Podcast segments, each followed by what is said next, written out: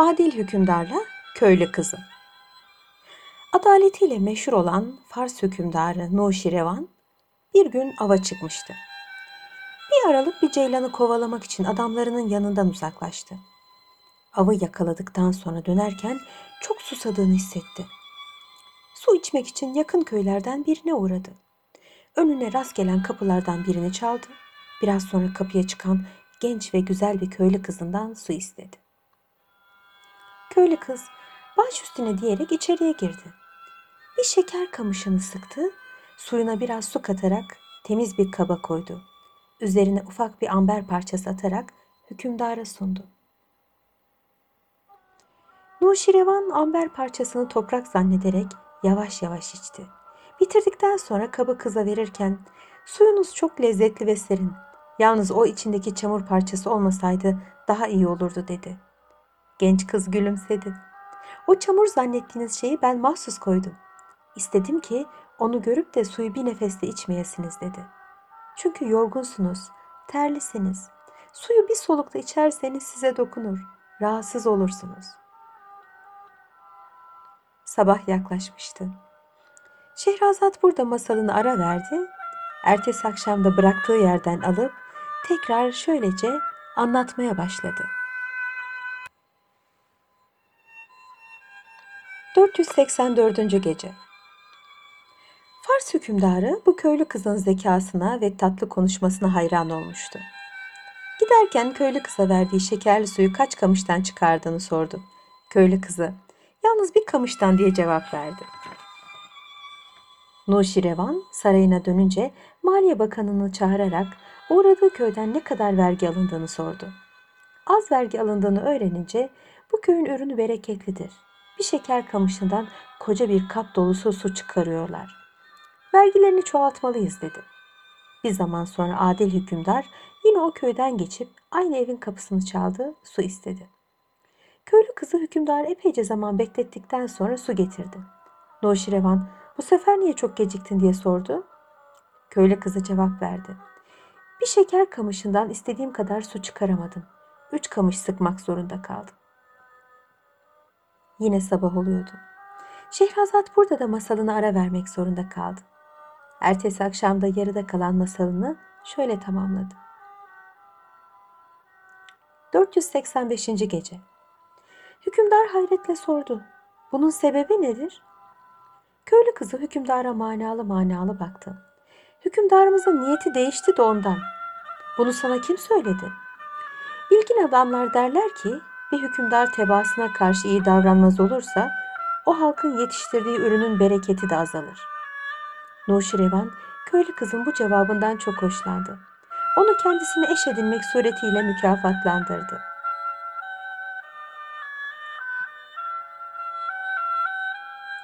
Men dakka dukka. Hükümdar Şehriyar kısa fakat çok güzel bir masal dedi. Kuzum Şehrazat bir tane daha anlat. Güzel kadın baş üstüne efendimiz dedi. Size men dakka dukka hikayesini anlatayım. Vaktiyle Buhara'da bir saka vardı. 30 seneden beri her gün bir kuyumcunun evine su taşırdı. Bu kuyumcunun çok güzel, güzel olduğu kadar da namuslu bir karısı vardı. Bir gün Saka her zamanki eve su getirdi. Suyu küpe boşalttıktan sonra birdenbire o sırada evin avlusunda bulunan kuyumcunun karısına saldırdı. Kadının elini sıktı ve bir şey söylemeden çıktı gitti. Akşamüstü kuyumcu eve dönünce karısı bugün çarşıda Allah'a gücendirecek ne iş yaptığını öğrenmek istiyorum dedi. Kuyumcu inkar etmek istedi fakat karısı azarlayıp doğruyu söylemezse evden çıkıp gideceğini söyleyince ister istemez anlattı. Dün dükkanıma bir kadın geldi. Bir altın bilezik istedi. Verdim. Bileziği takarken bembeyaz ve güzel elleri gözüme çarptı. Hoşuma gitti. Dayanamadım. Sağ bileğini tutup sıktım. Kadın bunu işitince başını salladı. Kocasının yüzüne bakarak Allah'ım ne büyük hikmetlerin var dedi.'' Bu işi niçin yaptın? 30 senedir suyumuzu getiren Saka bugün de bize su getirdi. Sonra birdenbire üzerime saldırıp bileğimi tutup sıktı. Bir şey söylemeden çıkıp gitti. Kuyumcu yaptığına pişman olarak karısına döndü. men dakka dukka. Levziyattü lezadel sakka dedi. Yani çalma kapıyı, çalarlar kapını. Daha ileriye gitseydim Saka da ileri gidecekti dedi. Yine sabah oluyordu. Şehrazat ertesi akşam bıraktığı yerden alıp bu kısa hikayesini de şöyle tamamladı.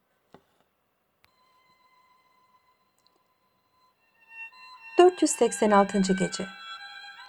Ertesi gün Saka geldi. Bir gün evvel yaptığı kusurun bağışlanması için kuyumcunun karısına yalvardı. Kadın onu affetti. Kuyumcunun söylediği söz de bir atasözü olup kaldı. Hükümdar Şehriyar çok doğru bir atasözü dedi. Çok memnun oldum. Şehrazat senden başka bir masal daha söylemeni rica ediyorum. Güzel kadın Efendimiz rica değil emrederler dedi ve hemen yeni bir masala başladı. Üç Valinin Hikayesi Eski Mısır hükümdarlarından Nasreddin bir gün Kahire, Bulak ve eski Mısır valilerini yanına çağırmıştı. Onlarla devlet işleri üzerinde görüştükten sonra bir aralık, valiliğiniz zamanında başınızdan geçen en garip vakayı hiçbir şey gizlemeden anlatmanızı istiyorum deyince Kahire valisi anlatmaya başladı. Yalancı şahitlikleriyle, sahtekarlıklarıyla, ahlaksızlıklarıyla tanınmış iki adam hakkında her gün birçok şikayetler alıyordu. Bunları suçüstü yakalamak istedim. Ne kadar çalıştımsa olmadı. Nihayet adamlarımdan birini bunların peşine koydum ve onları suçüstü yakalayıp bana haber vermelerini tembih ettim. Bir gün adamım heyecanla yanıma geldi. Efendimiz dedi, o sahtekar herifleri tuzağa düşürmek için evime davet ettim. Bu gece bizde eğlenecekler. Onları gelin görün ve suçüstü yakalatın. Sabah oluyordu. Şehrazat burada masalını ara verdi. Ertesi akşam da bıraktığı yerden alıp şöylece tekrar anlatmaya koyuldu. 487. gece. Hemen adamlarımdan birkaçını alıp tarif edilen eve gittim. Kapıyı çaldık. Çok geçmeden bir cariye kapıyı açıp bizi içeri aldı. Bir de ne görelim. O iki sahtekar içki sofrası kurmuş bir takım uygunsuz kadınlarla eğlenmiyorlar mı? Beni görünce hiç sıkılmadılar. Hatta yanıma gelip buyurun safa geldiniz diye iltifat ettiler ve oturacak yer gösterdiler. Bir aralık ev sahibi geldi. Bana içinde 300 altın bulunan bir kese vererek şu parayı alın ister ceza sayın ister hediye. Yalnız bu gece keyfimizi bozmayın. Konuya komşuya karşı rezil olmayalım dedi. Ne yalan söyleyeyim ufak bir bocalamadan sonra dayanamayarak altınları aldım ve onları rahat bırakıp adamlarımla beraber çıktım gittim. Ertesi gün mahkemeden bir memur geldi. Kadının beni istediğini söyledi gittim. Orada bana 300 lirayı veren ev sahibiyle iki sahtekarı gördüm. Kadı ev sahibini göstererek Dün gece bu adamdan aldığınız 300 altını geri veriniz dedi ve iki sahtekarı göstererek bu iki şahidin önünde almışsınız diye sözünü tamamladı. Tan yeri ağarmıştı. Şehrazat burada da masalını ara vermek zorunda kaldı. Ertesi akşam da yarıda kalan masala şöylece devam edildi.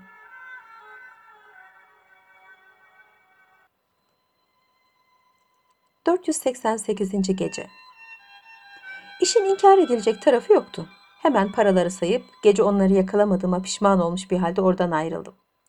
Kahire valisi hikayesini bitirdikten sonra sıra Bulak valisine gelmişti. Efendimiz dedi, valiliğim sırasında bir zaman çok borçlanmıştım. Evimi ve elimdeki mücevherleri sattığım halde borçlarımı ödeyemedim. Bir gece evde oturmuş acı acı düşünüyordum. Birdenbire yanıma hizmetçim geldi. Bir sürü silahlı adamların kapıda beni beklediklerini söyledi. Her ihtimale karşı silahlanarak dışarıya çıktım. Kapıda duran adamlara sordum. Kimsiniz, ne istiyorsunuz? Reisleri karşılık verdi. Biz şimdiye kadar eşkıyalık ediyorduk. Fakat artık tövbekar olduk.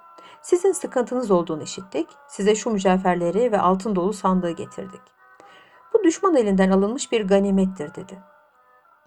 İki kişinin zor taşıdığı sandığı evimin avlusuna soktular. Sandığı açıp baktım. Hakikaten altın ve mücevherlerle doluydu. Bunları satıp kalan borcumu ödeyeceğime sevindim. İçeriye girdim. Elimde kalan birkaç kuruşu alıp silahlı adamlara bahşiş olarak dağıttım. Ertesi sabah sandıktaki altın ve mücevherleri gündüz gözüyle görmek istedim. Mücevherlerin sahte, altınların yaldız olduğunu anladım. O kadar fena oldum ki az kalsın kalbim duracaktı. Bütün sandığın içindekiler 5 lira etmezdi. Halbuki onun 10 mislini o heriflere bahşiş diye dağıtmıştım. Bulak valisinin hikayesi de burada bitmişti. Sıra eski Mısır valisine gelince anlatmaya başladı. 489. gece. Bir gün ölüm cezasına çarptırılmış 10 kadar suçluyu astırmıştım. Ayrı ayrı dar ağacına asılan bu adamların başlarına da nöbetçiler koyup ölülerinin çalınmamasına dikkat etmelerini sıkı sıkı tembih etmiştim. Ertesi gün asılanları kontrol ederken birisinin yerine başkasının asıldığını gördüm. Hemen nöbetçileri sorguya çektim. Önce bir şeyden haberleri olmadığını söylediler. Kendilerini ölümle korkutunca da doğruyu söylemek zorunda kaldılar. Dün gece bir aralık uyumuşuz. Gözlerimizi açınca ölülerden birinin yok olduğunu gördük. Sizden korktuğumuz için yoldan geçen bir köylüyü eşeğinden indirip onu astık. İşte yabancı gördüğünüz ölü odur. Sabah oluyordu.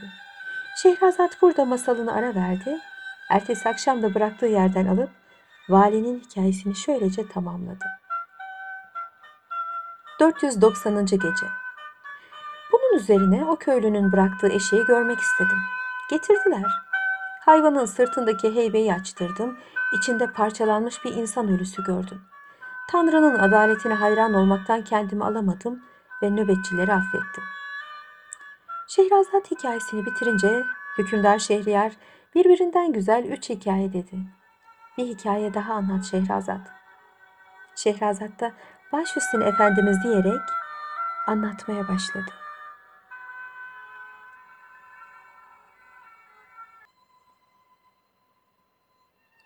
İyiliğin cezası. Vaktiyle Beni İsrail zamanında dindar, kanaatkar bir adam vardı. Ailesiyle birlikte pamuk ekip onunla geçinirlerdi.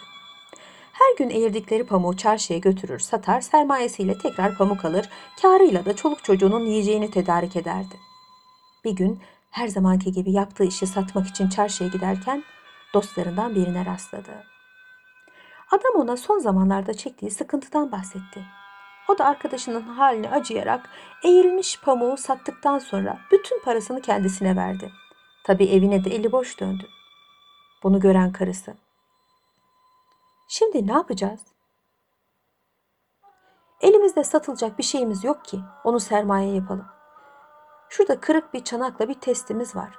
İstersen onları sat da parasıyla pamuk al dedi. Bunun üzerine adam o kırık çanak testiyi alıp çarşıya gitti. Fakat kimse bunlara para vermedi. Ümitsiz bir halde eve dönerken elinde kokmuş bir balık tutan adama rast geldi. Balıkçı adama yaklaşarak elindeki kırık testiyle çanağı şu balıkla değişir misin diye sordu. Çok acıkmış olan adam bu alışverişe razı oldu. Elindekileri verip balığı aldı. Karısına götürdü. Kadın bu balık kokmuştur onu ne yapayım diye söylendi. Canım kes temizle kızart yiyelim. Tan yeri ağarmıştı. Şehrazat burada masalını ara verdi. Ertesi akşamda kaldığı yerden şöylece tekrar anlatmaya başladı. Kadın kocasının isteği üzerine eline bıçağı alıp balığı yardı. İçinde görülmemiş büyüklükte bir inci buldu. Onu kocasına gösterdi. Adam bak eğer inci delinmişse başkasının malıdır. Delinmemişse Tanrı tarafından bize gönderilmiş bir hediyedir dedi. Kadın inciyi gözden geçirdi. Delinmemiş olduğunu görünce sevindi. Kocasına verdi. O da ertesi gün onu alıp kuyumculara götürdü. Kuyumculardan biri onu yüksek bir fiyatla satın aldı. Adam o parayla ömrünün sonuna kadar çoluk çocuğuyla rahat bir hayat yaşadı. Şehrazat hikayesini bitirince hükümdar Şehriyar gülerek bir hikaye daha isterim dedi.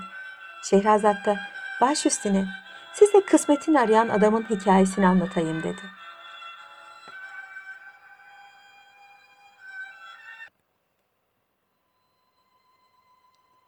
Kısmet Kısmetini arayan adamın hikayesi. Bir zamanlar Bağdat'ta hali vakti yerinde bir adam vardı. Nasılsa işi bozuldu. Mallarını birer birer satıp on paraya muhtaç bir hale geldi. Bir gece keder içinde ne yapacağını düşünürken uykuya daldı. Rüyasında bir adam gördü. Bu adam ona senin kısmetin Mısır'dadır. Git orada ara dedi. Fakir adam uyanınca uzun uzun düşündü. Kısmetinin sahiden Mısır'da olduğuna inanmıştı. Hemen derlendi, toparlandı, Mısır'ın yolunu tuttu.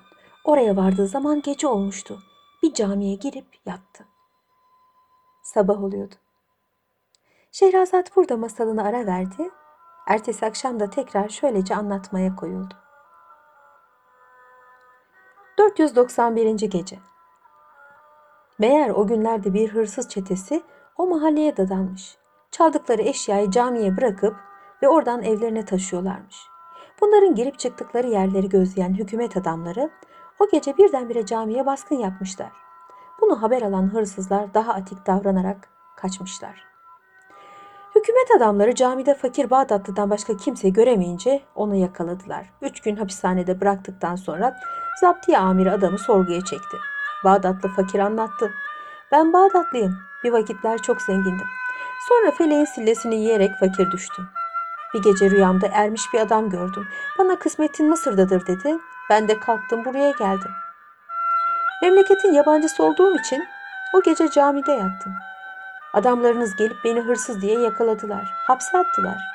Meğer benim kısmetim burada dayak yemek ve cefa çekmekmiş. Zaptiye amiri bunu işitince kahkahalarla gülmeye başladı. Budala, hiç rüyaya inanılır mı? Ta Bağdat'tan kalkıp buraya kadar gelmeye üşenmedin mi? Bana üç defa rüyada dediler ki Bağdat'ta falan mahallede falan adamın evinde merdiven altında bir define var. Git onu al. Fakat ben buna ehemmiyet verip Bağdat'a gitmeyi aklımdan bile geçirmedim. Sabah oluyordu. Şehrazat burada masalını ara verdi. Ertesi akşam da bıraktığı yerden alıp tekrar şöylece anlatmaya başladı. 492. gece. Bunu işiten Bağdatlı bir an düşündü. Zaptiye amirine hiçbir şey söylemeden oradan ayrıldı. Rüyada tarif edilen ev aslında kendi eviydi. Mısır'dan çıkıp Bağdat'a döndü. Evine varınca merdiven altını kazdı. Hakikatten orada büyük bir define buldu. Şehrazat hikayesini bitirince hükümdar Şehriyar böyle güzel bir hikaye daha biliyorsan söyle dedi. Şehrazat da baş üstüne efendimiz diyerek hemen anlatmaya başladı.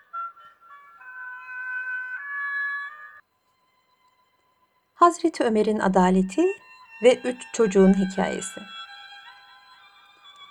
Bir gün Hazreti Ömer meclisinde oturmuş etrafını çeviren asabelerle danışarak hükümet işlerini idare ediyordu. Birdenbire yanlarına 15-16 yaşlarında temiz giyinmiş bir çocuğu kollarından tutup sürükleyen iki genç adam girdi. Hazreti Ömer iki gence bırakmalarını işaret ettikten sonra bu çocuktan ne istiyorsunuz diye sordu. Kardeş oldukları yüzlerinden ve giyinişlerinden belli olan delikanlılardan biri atıldı. Ya emirül müminin dedi. Babamız tanınmış asil bir kabilenin reisidir. Herkes muhabbet ve saygısını kazanmıştır. Yaşlı bir adamdır. Bir gün babam kendi bahçesinde dolaşırken bu çocuk onun kafasına bir taş atıp başını yararak öldürdü. Kaçmasına meydan vermeden tutup buraya getirdik. İşlediği ağır suçun cezasını görmek istiyoruz. Sabah oluyordu. Şehrazat burada masalını ara verdi. Ertesi akşamda bıraktığı yerden alıp tekrar şöylece anlatmaya başladı. 493. gece Şimdi bütün meclistekilerin gözleri temiz giyimli, güler yüzlü ve halinde hiç korku ve heyecan izi görünmeyen çocuğa çevrilmişti. Bunun üzerine Hazreti Ömer çocuğa sert sert baktı. Bu iki adamın söylediklerini dinledin. Buna karşı ne dersin? Çocuk büyük bir cesaretle halifeyi selamlayarak Evet dedi söyledikleri doğrudur. Bir kazadır oldu. Müsaade ederseniz size olup bitenleri anlatayım. Halife izin verince çocuk her şeyi olduğu gibi anlatmaya başladı. Biz çölde yaşayan insanlarız. Kimseye fenalığımız yoktur. Bu yıl bizde kıtlık oldu. Şehre gelip hayatımızı kazanmaya karar verdik. Develerimizle şehre yollandık. Bahçeler arasından geçerken çok sevdiğim cins ve dişi develerimizden biri bahçelerden birinin duvarından sarkan bir dalı çekip yapraklarını yemeye başladı. O sırada duvarın üstünde kır saçlı bir adam göründü. Çok sinirliydi. Elinde tuttuğu kocaman bir taşı devenin üzerine fırlattı. Can alacak bir yerinden vurup zavallı hayvancağızı ölü olarak yere serdi. Bunu görünce öfkeden gözlerim karardı. Aynı taşı yerden alıp ihtiyara fırlattım. Acı bir çığlık kopararak düşüp öldü. Onun sesini duyan oğulları babalarının yerde cansız yattığını görünce hemen koşup beni yakaladılar ve buraya getirdiler. Sabah oluyordu. Şehrazat burada masalını ara vermek zorunda kaldı. Ertesi akşam da bıraktığı yerden alıp şöylece anlatmaya devam etti. 494. Gece Hazreti Ömer biraz düşündükten sonra işlediğin suçu söyledin, cezanı çekeceksin. Suçlu çocuk, vereceğiniz hükme razıyım. Şeriatın kestiği parmak acımaz. Fakat benim küçük bir kardeşim var. Babam ölmeden evvel ona oldukça büyük bir para bıraktı. Ben de parayı ileride büyüdüğü zaman kardeşime vermek için bir yerde gömdüm. O yeri benden başkası bilmez. Şimdi beni öldürürseniz o para ziyan olur. Kardeşim de hakkını kaybeder. Bana üç gün müsaade edin. Kardeşimi kendisine bakacak bir akrabaya veya tanıdığa teslim edeyim. Parayı da sakladığım yerden çıkartıp ona vereyim. Bana kim kefil olursa kendisini utandırmayacağım, sözümde duracağım. Hazreti Ömer yanında bulunanlara dönerek bu suçlu çocuğa kefayet eden var mı diye sordu. Çocuk da o sırada mecliste bulunanların yüzlerine baktı. Sahabelerden Ebu Zer'i görünce eliyle onu işaret ederek bu adam bana kefil olur dedi. Bunun üzerine Hazreti Ömer Ebu Zer'e sordu. Bak suçlu seni kefil gösteriyor kabul ediyor musun? Ebu Zer başını salladı. Evet üç gün sonra geleceğine kefilim. Sabah oluyordu. Şehrazat burada masalını ara vermek zorunda kaldı. Ertesi akşam da bıraktığı yerden alıp tekrar anlatmaya başladı. 495. Gece Hazreti Ömer çocuğu serbest bıraktı. Üç gün çabuk geçti. Fakat çocuk görünmedi. Öldürülen adamın oğulları mecliste hazır bulunan Ebu Zer'e ölümden yakasını kurtaran çocuk bir daha gelir mi dediler. Bununla beraber biz seni tanırız. O gelmezse yerine sen ceza göreceksin çünkü kefil vekil gibidir. Ebu Zer cevap verdi. Çocuk gelmezse her cezaya razıyım. Mecliste bulunan sahabeler ölenin oğullarına diyet istemekten vazgeçmeleri için ne kadar yalvardılarsa da söz geçiremediler. Hazreti Ömer vaktin geciktiğini, çocuğun gelmediğini görünce Ebu Zer'e seslendi. Ya Ebu Zer, suçlu çocuk gelmedi. Kefil olduğun için onun yerine seni cezaya çarptırmak zorundayım. Bunların üzerine mecliste bulunanların yüzlerini keder bürüdü. Biraz sonra aralarından kaybedecekleri arkadaşları Ebu Zer'e bakmaya başladılar. Vakit gecikmişti. Neredeyse sabah olacak. Şehrazat burada masalını ara verdi. Ertesi akşam da masala şöyle devam olundu.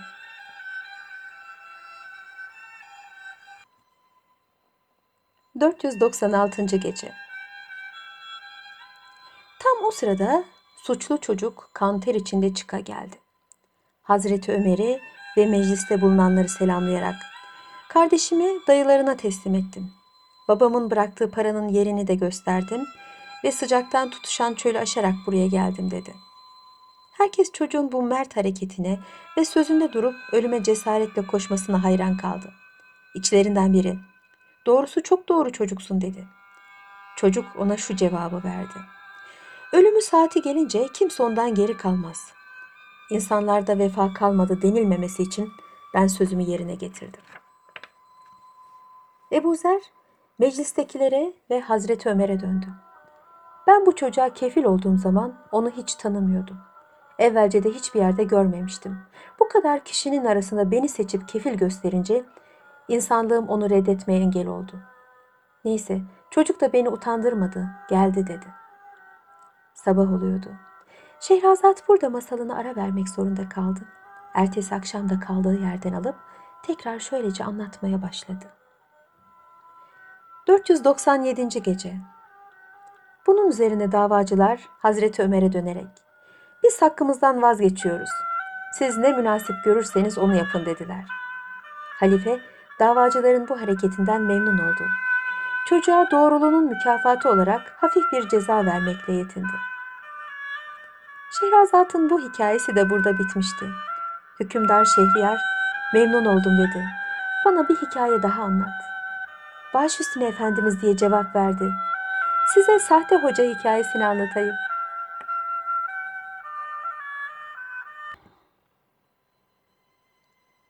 Sahte hoca Vaktiyle okuma yazma bilmeyen bir dolandırıcı vardı. Bir gün başına kocaman bir sarık sardı. Sırtına da temizce bir cübbe geçirerek mahallede boş bulduğu geniş bir yeri mahalle mektebi haline getirip öğretmenliğe başladı.